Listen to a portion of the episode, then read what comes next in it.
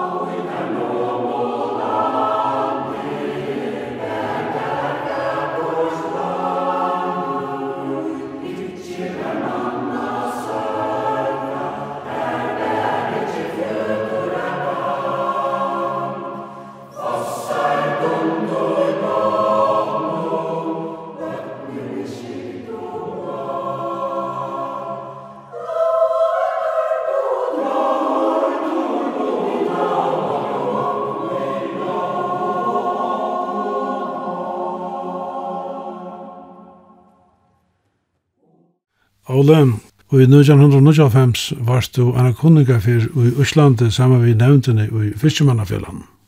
Ja, og jeg kan si at jeg er fram til ta, til at ta hei hatt min interesse, og det var sottmalar, og det var prosenter, og det var priser og fiskarroi. Men ta kom man holdt andre dimensjon inn i munna fætan av søvnen til fiskemannen. Det var sånn at en part av programmen, og så feriene, det var vi da gamla kyrkjan i Reykjavik, skulle leggja krans at her hauggrøver som er då i tyskjørskjørnen. Og det var først og fremst i Anno, som gikk bort 1924, og Akorn 1980. Og her var opprunalige programmet, fyrskip og en kransanlegging, som var et naturligt. Men så visste jeg seg at for det er værende fratt om et helt som vi atla i kransanlegging, så visste jeg seg at det var øyne seg av hovedmidlene atlafolkene i fargen er å komme vi. Og det gikk bare nekker det så var uh, flåfæret til Íslands fulltekna, og folk kom også i vi Norrønum. Og til som så skulle det være en anfølt uh, kassanavlegging, det ble så et minningarhalt, fire tar mennesker som var varner.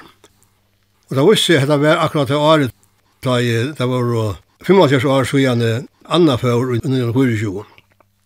Det minningarhaltet, det var kyrkjæren i Reykjavik, det gamla kyrkjæren i Miboinen i Reykjavik, og så ført utferd til Stadarberg, her som Anna Prora Land, og det var minninger halt her, og vi sunk og en av sangene som var sunkt til Gjæraferien, som var i Øsland, at han sette mannen og hver løsene var bjerget. Og Jakob Mikael, den gamle kjempen, som har vært vi i sendingen før, han var ikke født til å ta i papen først, og han ber feir var i fjøren av Stadaberg og i Grindabøy. Det var så at jeg ville ha kjenslebord minninger alt. Det var sånn at Taurur og Taurur var vi som everande. Han er brorsonen til Jakob Mikael, og oppi hans er da i øyne vi ånden. Og ta hei sjøen at vi ikke råd å sende teknikere vi. Så først med fyrir jeg betalte en teknikere å komme vi av feriene. Taurur gjør det så en sending til sjønvarpen som ble sendt av. Og etter minnelig dømer fra tog sendingen er til, da Katrina Jensen, som var døtt i Kiparen og Ånden, Teder Poulsen, Hon har altså lov haft nekka myndir hengandi av vekkjennom fra sitt døkku gjerraferien i Reykjavik vid den opprunalige nutjo og sørste kjesten. Og ta sier hun til at nu har vi tids avsje vi så tøyina og tids avsje vi er papapoen og nu vil ikke langer være mynt om jeg ser hendingsna fra en av det.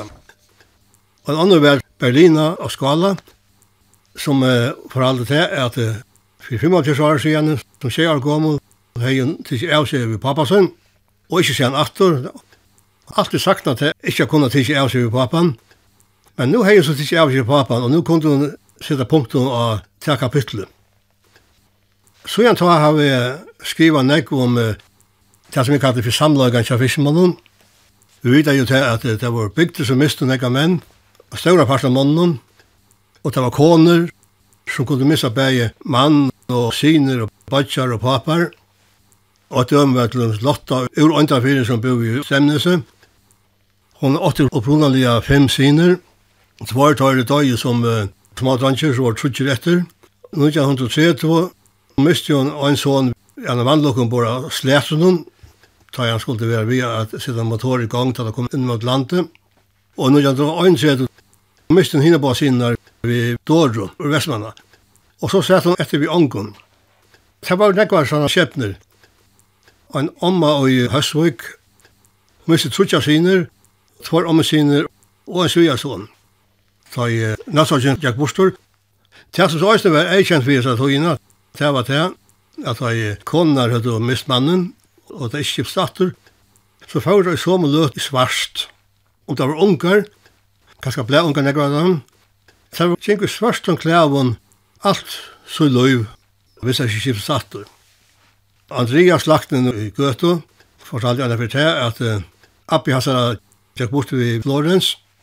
Det føltes nesten som å missa mamma og øyne. Men nå skulle bøtten i øyne minnes av vannlukkene kvendt jeg i hvordan med det var bøtten. Og det som øyne var eikjent for Satøyna, det var til at det ble slett ikke tås om av vannlukkene. Steingrim Kristoffersen, som er gammel med nå, han var smadronger da jeg mistet pappa i Neptun i 1934. Og det var det vanlige, at man boja i boja i, skipet kom ikke atter, og så endte jeg, så måtte man konstatera til at skipet kom ikke atter, og så snakke menn var ferdig. Vi nekta var der høyder 23. Stangre fortalte til, at det ble omgang sagt vi han, at nu er pape deier. Han skilte det bare av praten hon. Og han fortalte også til at det så var minniga godstannast i Vestmanna, at han får nian heian og krekka seg, så at Hadde Jackson ikke og han at han ikke tog seg vi han om det her. Han visste ikke det at pappa var deier, og han ikke snakket vi han om så støvnene som utkom, at han unga pappa heier. Og det var det vanlige da. Tog er det mange som er ferien om at det blir skrivet om det, og at det ikke langt er tabu. Nå er det noe som man kan snakke om, og et godt døme til at jeg fikk brev fra Petri og Olsen som bor i noen neser etter Tofton, Hon var ur Høstvik. Hon miste en boccia så inn vi nødsøytene i 1943. Hon fortalte for meg at uh, en av nottene vaknar mamma vi at uh, Edvard, som var så boccian, som var bostor, røpte jo henne. Hon var opp inn i kamer, og her var uh, åndsjen. Og så var hun alltid sång, og så hørte hun alltid råpa, og hun var alltid inn i kamer, og her var ikke fullt ånden dronker. Så skilte hun til at her var akkurat hent. Og til så ekva søver om tøylukt, det er kjort om man kan være gjerbunden, som er faktisk er i Østene, så må akkurat være evnaturligt. Nek dømer om at folk har finnet varsel, så eller så, om samanlokna som er hentar. Og jeg skriver så om det først i FF-planen, tyverre hitt jeg omgang til Petria, og var gommel han, men hun skriver meg brev som vi gav meg igjen, kan hun takka meg for at jeg tøkket opp, så sier hun til at nu kan jeg ta som et her, åttan av blørørt. Det er så nekka som er i fein om at jeg har medvirka til at folk kunne finne fri i salen, om man kan se på den måten. Ofte har vi spørst, hvordan kunne folk iverliva disse vannlukknar, a missa så nekka søgnen fra øynene opp til fem. Hvordan folk kunne klara disse vannlukknar hver knapplige bei menn og syner og bodjar var bostur. Det nu som ikke var akademiker for at uh, skilja, at det var godstrykven. Man var i iboist om at uh, man kom av suttjast uh, øynte atter, hinne med inn, og det var det som uh, helt vøvnen i kjøst folk som mist og øyla nek. Da man tar seg om bandlukker, så kan man også denne til at det var noen fantastiske fjerskinger brøkt øyne. Og som var ekkert kjent, det var uh, Ernestina og Ida Rotreto under Øslandet, Ta Siska Jakobsen svem i land vi en løgnu og fekk bjarga de flesta tøymen som tar vår etter løyve. Han er så finnje vi kjenner og er kjentur og bjarga at det er klart oppkallar etter honom. Det er selvsagt det fullkomlig oppebore, tog at det hadde vært avrik som man i høys kan forstanda at det skulle være møvligt. Men det som jeg vil minne framme, det er at det hendte nekkant det samme vi kvinn Victoria 1931 som også stranda i utanfor sanden av Solanden. Og her var det nøytjan menn vi. Og han som gjør den moden her, det var så Jon Johannesen av Bakkanen og Vestmannen. Ombodgetoin, han var kjent for å være fram ur svimjar. Han får så sjål og sig i land vi en båte, vi en løgne som var bunden i Jon, og det bjerga i så ødel mannen land. Men det som var dramatisk øyne, Det var til at han kunne ikke være i en bjergskastøvn, men han måtte lesas etter seg løgnene. Og trutja at heimann som var ringast fire, tatt at han kunne lesa seg, da mistet han tætje. Og ta svem Jan ut etter døymen og fikk bjerget annet land. Det var i seg sjålen og et utrolig brakt. Og etter han var kommet i land, svem han øyne om han øsa, vi er en mann i bæsjen for å få skjøta hjelp. Det var det sysliga av just nere, det var det, at uh, med en uh, Jan bjergei sin kipsfyløven, så tog han sjálfur tvei år søttene. Da visste jeg at han fikk sand i lungene og ble sjukur, og det var sagt at Paul Dahl, han ville så øyla gjerne hjelpe noen, da han hørte om bakgrunnen av fire etter sjukene. Men han døg så tvei år søttene. Han var avgifter, så her ånden etter han. Kvinnlap Torus prøyde fra er papjasar Eivind Alla sinna tøy følte seg stand i skuld til Jon, som det at løy for bjerge hånden hinnom. Men så løy kom til æsne være at tvær bodjar Thomas og Viggo Zakariasen, ta var bjerge i halv 16-27 år gamle, men år etter så gikk det borte vi Lauro, som gikk bort sammen med Emanuel i 1932. Så det kom til øysene være. Men Jan han er så en glomt hetja og han fikk anga medalje, og Petra, mamma din, fortalte til at syvamammen henne, Malla, hun var alltid så høym om lagnen av Kjallborgsjallsvinne, hvert man godt kan forstanda. Men han er så nevnt ur bæg i bøgsen til Erling Poulsen om bjergskaprøkt, og i bøgsen til Hevet Høytor. Det var så en bøg som var en samling av imeskon søvun av Slennon. Og var ekkert vel møtitjen, og det var nek som takka over fyrir at så søvnene nu var komna fram. Og jeg kan si at her er at henne bøtjen, og det som skriver om mest av tøyene, det er løsene av tøy som vet i okkar aldri ytla skilja, og som okkar bøt slett ikke skilja nu. Ta det øyne for bøy større, så fyrir at det kanskje er virusmeta til øyne. Ole, du vart fyrir fyrstmannafella og i 36 år, og du var livur i februar i 2021 samme omtidse så heter det en ekkert spennende tog i Fiskmannfellene, og jeg kom å kjenne nek folk som er minnes vi viring, og jeg nek var fantastiske opplevelser. Fiskmannfellene var ikke fyllt av Bridgebakka, og her minnes jeg også nek folk som vi taksimme og viring. Utvarp var nærmest granne, jeg må nevne til at hår om hår vi her som jeg sier, her sier at Finnen Lømstein som var min skolafella fra Gøto, og som døg i 30 år gammal av sjukum. Men annars har jeg öle godt samband vi i utvarpen. Jeg minns også å också hur på sjurmer, som dømes øyne for att vara avbåt til en spunnarkapping. Så var jeg kjøtt og leip i gulvet og få med i rom. Tjärjak som så var tappte, det var mot Sakarsvang, så det er ikke skammat, det var med honom. Men eh, så skulle man tunna kvar nøren. Og tar som jeg annars minnes særlig fra Bidjabak, det var så Radio Karl, og det var Hans Kjapol Hansen, og det var Sigurd Johansen, og det var Daniel Pavel Danielsen, sakføren som ble revolusjonerer av gammalsalderen. Men det er sånn andre søva. Så kom vi så til 2021, og ta i formannsvalget i Fiskermabeland, og ta i skipa i Oral Kvøvo, hvor med overfæra en stemmesegel, og så er Kvøvran, og til sommer vel vi er ansittler opp, og til andre er og møtvelevner, Men jeg sexualfjørst tar munt i råkje, jeg var råkjen i første men det bjergaver at han var funtellisene. Seks år sånn, så var atter valg, vann ta, og seks år sånn, det var atter valg, og ta vann så østene. Men så i 2006 så var det tvei møtvelevne, og det enda vi tog at jeg fikk minst av tøymon, trimon, minne enn en trying. Det var så fyllt litt av en bakaloar jeg på, og man sier til at det kan alltid være også finnes et, men jeg vil passa til at ånden er kunne gjøre seg bedre.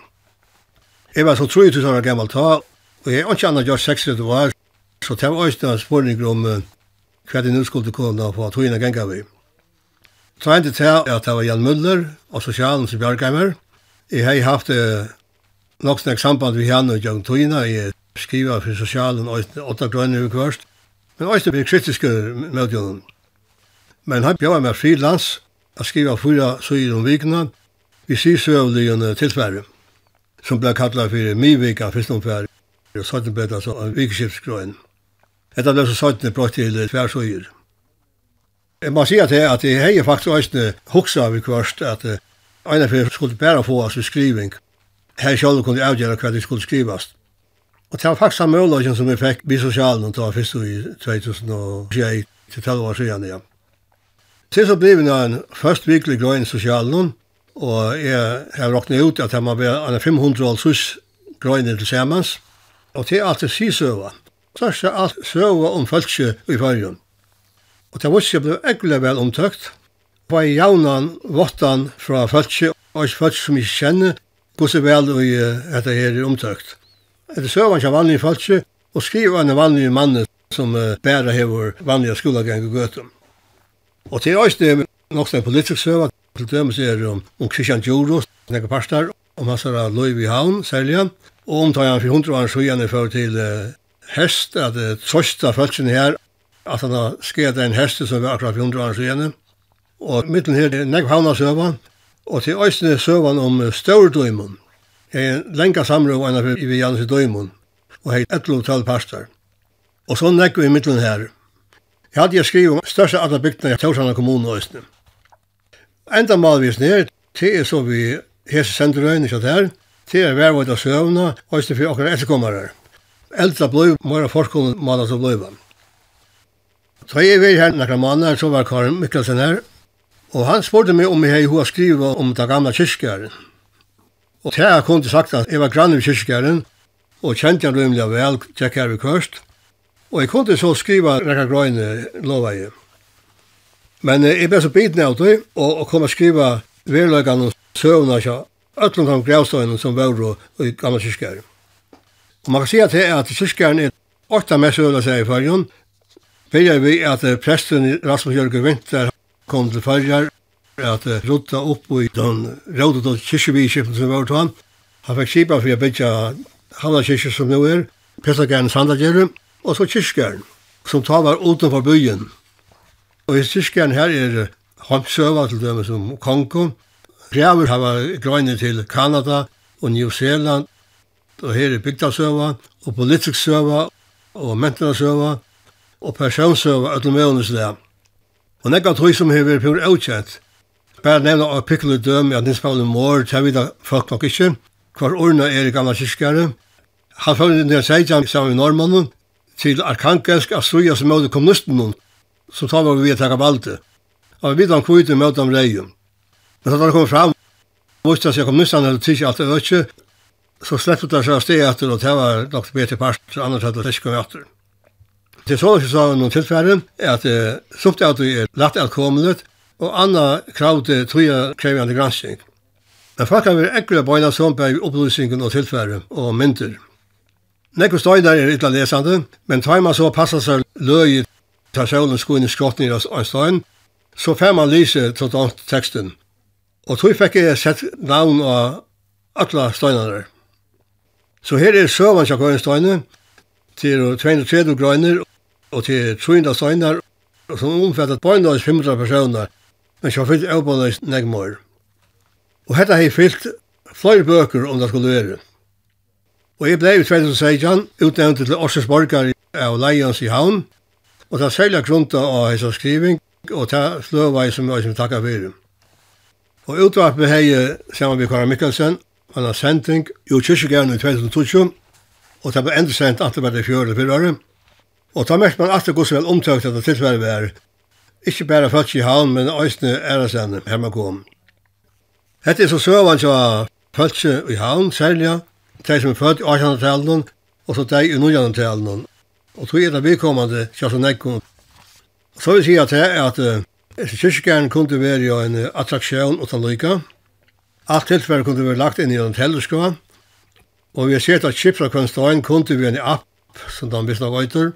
Spyrir fer innan kvenstøyen, så kunne man finne alle søvnene av skjermen. Hetta kunne også vi gjort hjemme i hus. Men hetta kan bare være gjort om Torsjana kommune i Ahoa. Det er fag kyrkjære som er så vel lyster at det kunne eisne være jo en minnespark for folk i havn og i Høyren. Sånn som er, Ole Jakob, hei i 2016 skipa for en funde vi boireie, hver verskraftland ble lagt for boireie, som var grunn til å se sjøna mine, men det er så ikke fratt atter om det enn. Det er flere som spyrir meg om ikke var hver tandan ligger, men det er sånn at om ikke steiner er, så blir ikke til å si nekka. Protokollen er fra 1893, Og her er 2000 navn kronologisk skriva, derfor det, der det er griven. Her er ikke sagt om hver i hver lykker. Man kan visst noen råkna vi at det er en 3000 folk griven og gamla kyrkjare. Og så fyllt siden, alle fleste har ikke stein, og det må være griven og noen hver nøren, kan man ikke gjøre det. Men det er gos til som man kan råkna seg fram til. Da nå ikke kyrkaren vi velpassa veien, han kom 1935, og 1835 så blir det bara typ griven kan man kyrka så vet du till dem märker lite det här och som åtta sina gröv från munden. Så är det några urner som är sättar att han har det. Du nevnte at du har skrivet en ekvisier Arne, så gjerne du har vært livet i fyrstmannafellene. Og et er så jeg ser her greinene i sosialen, men anna er så flere bøker som du vil lade i rundt om. Jeg vet jo, en kan stilsværen til, så kom vi i bøkøysene, omframt eh, annan tilfær som jeg har framskaffa. Og jeg har gjort det som visst nok anken har gjort, nok nye føye. Jeg skriver henne trutja bøker om koner. Det var ikke at uh, jeg skriver ikke mer så har vi hitt nekvar avhåverda og spennende koner som har haft sina søver. Kan uh, nevna det først då. Det var Elsa Jakobsen ur Gøto. Hun var sista på pappa min.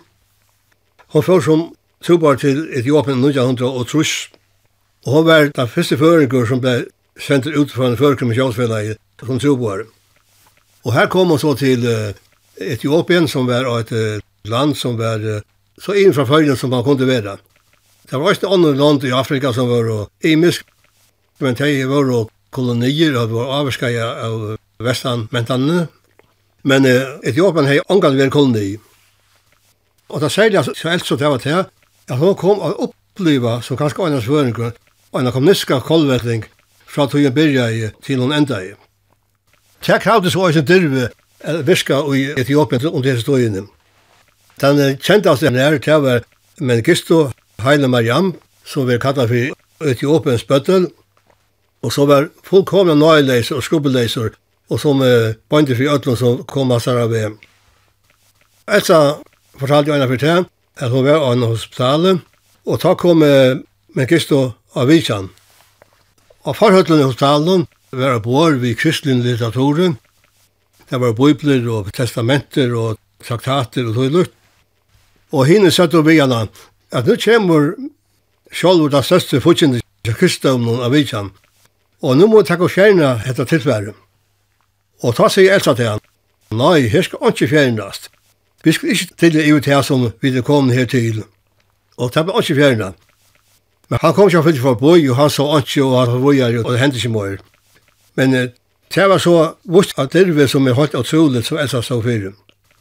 Hun var også midt i råkanen og i enda bresten av kommunismene, så i alt sarsfølt rundt i av sjukhusen, og hun var også med letter. Og en annen sjø var det var så om uh, Anno Evensen, kjente vel uh, Esther Jorus, som var familie ved Anne Evensen. Hun heier et gammel maskinskrivermannskript av bautsen til Anne Evensen, henne frasøkene i Førjum. Det var skriva i Eskebjørk, som er kall Borg her som er så.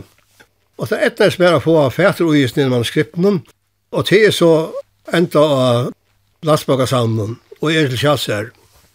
Men eh, hun var så døtt ut da første av sin Silutsen, og hun grøyer sin søv fra til papen kom til Førjar, og til hon flyttet til Danmark i 1904. Det er en ordentlig kvinnesøva fra 17 parten av 19. øld. Og så til Danmark etter å være kjent døtter, og ta kom hun holdt vi en pottminnsamlare som kallades for Christian Olsen, som skriver hennes søv og nøyer. Og Anna var så takksom for det her, at hun får ærte Christian Olsen og en uh, grindaknøy som er så søgjende jeg finnes jo, tre grindakløver, som er gjort av Peter Arke, som er lenge på Borgestøyen. Så det minner om det høyene her vi så hjemme kommer kjolden. Anna Evensen, hva er var gift vi? Hun var gift vi prøvsten, til høyene av Evensen, Jens Christian Evensen. De var først pressafolk av Vierøye, og så fører de til uh, Kvalbjerg, og så kom de av Nes, prøvsten av Nese.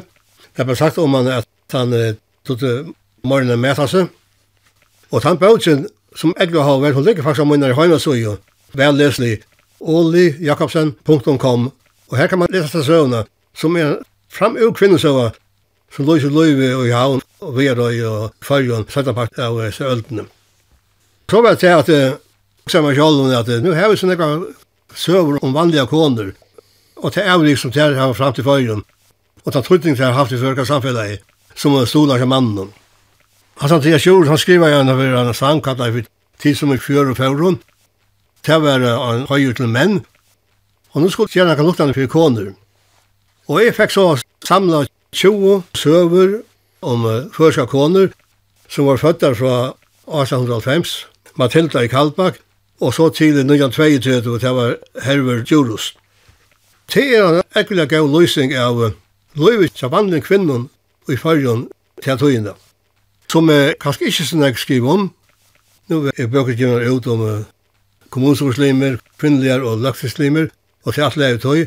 Men uh, det vil faktisk være sagt når og er få løsning av de føreske kvinnene. Og så kan jeg lykke nevne til at vi at Bautjen her og Tautor, hun er ikke fem større part til kvinnesøva, tog at det er søvann om tar som fagrost, men det er lykke nek søvann om teis og satt etter, åndsir og bøden. Jeg hadde jeg hatt utmeldt fjørte kvinner som kjeld til det bøsene. Så det er faktisk fyra bøker som er skriva om, om vanlige koner i vargen. Det er ekla gaua attermeldingar, og folk har hatt av ekla og hava verst. Og til Øyste kom allmenn og ahove, I fjør hei framløv av Torradøvn og Klaksvøk. Og nå skal jeg en ta bindefestival i Fuglafyr i april, hver kan ha tvær fyrlest om koner og kvinner, og tar av tøytning fyrir det fyrir fyrir Og til Kjafilsen, jeg mer som kunne skriva, det er ganske annet kunne gjøre det, men, men nå er det gosser uh, byrjan gjørt. Eine bøk som er med til å hava stauran tøytningaisne, det er om uh, Dollan, Daniel og Danielsen, som var slekt av Urhavn. Det som hever vidt om han, det var bare til at han var i fyrgen virka som tro på at jeg bør samkomne fra 1904 til 1916, da han døy er sjuko. Og så hava vi ankrar avbendinger om Kongo. 1908 fører han til Kongo og var maskinmøstare og kipar i en båte som sylte til Kongonen, mittlen misjonsøyna som var her. Jeg fikk egentlig omvæle i planen som misjonen kallet fikk Richards Beyond blei. Og 1903 blei maskinmøstari så Roger Casement, som var i løyen båt, eller kanna vidskipten i Kongo. Det var så han var og konsul i Kongo, og han fikk oppgav at kanna til riktig Det skyn som var om at folk ble og lamløsta i og, og finkande rævlige vittjer som var ordet terrorsamfunnet. Det ble så stedfest, og det ble skrevet rapport om det, og Dolly var så vi her i tvær måneder fra 16. juli 1903 til 15. september. Dolly har fått så bort til Bretlands øster av Hestner som han har opplivet, og han begynte i møte viljan til sin misjon, og han har funnet om vidskjøpning kongen. Han tog det vel at hos alt kjensler, av var karismatiker som han og så hei han mynter vi av vise følelse. Og det er sånn vi mynton er at mynter av degen følelse til at avvarska ikke gula nek, men her kunne han vise mynter av livande følelse som hadde kvett ære hånden av, høyre hånden av. Og dette skapte en sånn øsing mellom folk, at hun brøtte seg om uh, alt Bretland og Europa og enda i USA. Ta var så dalen for besjurator, men Sjøtten ble så stående nye fyra Congo Reform Association, som var den organisasjonen som skulle standa fyrir nere fundaversemnen. Tilsvær som ble brukt, det var først og fremst det som dollar var kommet i Kongo. Og tannet fundarøyen, kampanjen helt så an, som enda vi tog at uh, Kong Leopold Annar under 1908 måtte letja kongen om å se på han. Han hei haft kongen sin personlig og, og ta måtte han ivlada kongen til uh, belgra staten, og til bøtte i gosse og vi i skiftene. Så man kan si at, at uh, Dollen har byrja i seg pundarøyna, som setter eld i, og han uh, heier til avgjerende myndene som skapte seg røringsene, og dette er en av første mannen ratten av rørsla i søvnene, som også hever avvirka hamsøvnene. Det har vært nekva rævløygar i kolonien, men man kjenner også til luknande reaksjon og kampanjer som det som talen så för Liberia i Nujan York. Men tja som er, han er vi klomt og bortstakter i hundru år, og annor her finnes jo ærene av hans avrikon, men an, av myndene som han tåg. Det har vi så finnes fram og i snir bøkene som jeg skriver, fyrst av føreskon, og så en oppdatering av enskon, som sier til at det var dollen som var avgjørende med avgjørende og disse tilgångene. Og det finnes vi kjenning fyrir fra Serfrøy ut i heimen, bare i USA og Europa. Og det som er avgjørende i tiltale finnes om alle og i Journal of African History som blir utgivet av Cambridge Universiteten hver øystendet her søvann som er i Votta. Og det vi råkta for hva søsta vidkjenning man kan få på ommeldig og i snedtøyerliten. Så igjen har vi finnes kontakt med en missionærsson ur Kongo som var født i 1938 og som har vært lagt ned i Kongøysene. Og han fortalte for meg at han er alltid løy, løyt etter til fotla sannløykene om uh, Kongo. Men nå har han funnet i mine bøkken. Det er vel hål i hans vidan som han ikke har kunnet fyllt. Og nå er det en svekke samband med en professor i Florida som har skrivet en bøk utan å vite om Kongo. Og nå har han finnet bøkene. Og han sier til at uh, nå skal det inngenge henne framtida undervisning. Søvann er så også vel vi kjente før. Jeg har fløy framløver, bare brødre samkommende, men også i kyrkjen og misjonshusen og ærestene. Men Ole, hvor var så dollen? Mamma sa at jeg var Sigrid Utsante, født uh, Deinesen. Hun var uh, ung til Danmarskar, var arbeidskjenta i en huse i København. Og hun ble opp av veien, og hun var gift, og det var neppe vel til at hun. At det ene som var veit om uh, papan til badne, at han er uh, Ludvig Jørgensen, og han var en smedelsvend. Hon var dronjen 25. juni 1871, som var doktor i Domkirsten i København, og var kallet for Ludvig Daniel Jakob Danielsen. Han er også alt oppkallet etter avkjente papan. Teg flytta seg alltid til følger, hatt kjøtt, ta giftes hon vi uh, Jakob av Kameran, Koppa Jakob da kallet. Tei på altså flere bøten, Bare åtta dem kom undan, og det var så Magnus og kameran, som er atafei til ötta som kjenner kameran. Og samtons var mamma, Dallan, Sigrid, syster til pappa, Victor Danielsen, som også kallet for Daniel Jakob Danielsen. Og det på i tog, så til at Dallan var syster bad Victor og Legg Vann og kjøpte. Dallan har så gifter vi Lino, som kom ur litt, men foreldrene kjønner var føresk. Mamman, Katrina, var uh, via røye. hon var bøndadett og Gjør, og papen var Eka Niklasen av Skalatoften og til unga Gjør. Og det gjør det så til at tåra forholdet var omøvlet. Men til rundt og bæg av landen, og enda av så litt, her det giftost og fingo tver døtter. av tar var Lina, som kommer kjenne dollan i samband med uh, Kongo-fundarøyene, Det var i Edinburgh, 1. november 1903. Tei kom til farjar, hon stola i så dallan i hans virksomhet, men anna vi musikk, og det var sinja. Det første har man hørt om at det hever fere orkul brukt i fargen, det er vi henne. De bosetter seg ute ved landaveien, i Kinabrekkene, til huset satt og her, landaveien for Rolshus, så det var lengt, lengt utanfor bojen her, Og det var så en mistøy for ungdom, særlig ungdom i brødsamkommet. Hver det kom suttje av disse afrikanske lotene som man har haft hjemme i Kongo. Det finnes ikke av disse åknene i fargen, utan på Iblenkjånen. Henne arvei Paulina av Kvidanisset, som var vinkona vid Linon, og ommesåneren Holger han Joros, hev nu ta på under hånd, og hun var så sier at det var søvlige griper i det. Han døg i 1916, og han var så før nokre år at han var til. Og ta enda en alltid England og ble gift jo en John Smith, alle som var om han. Og han døg jo òsne Ung, han hadde tjej i 38, men eh, hun fikk helst ikke bøtt sammen med henne, så her så ønsket jeg spyrje helt. Åh,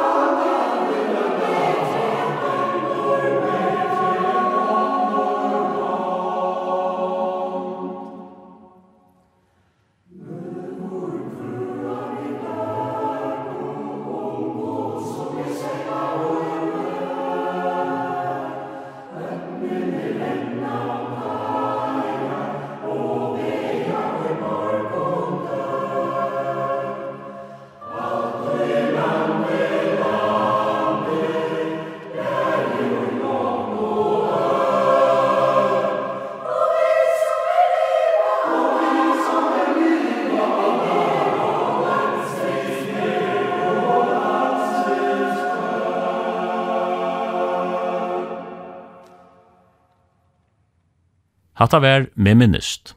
Jeg var narke hitte Ola Jakobsen ur Norra Norragøtå. Hetta var fjóra sending.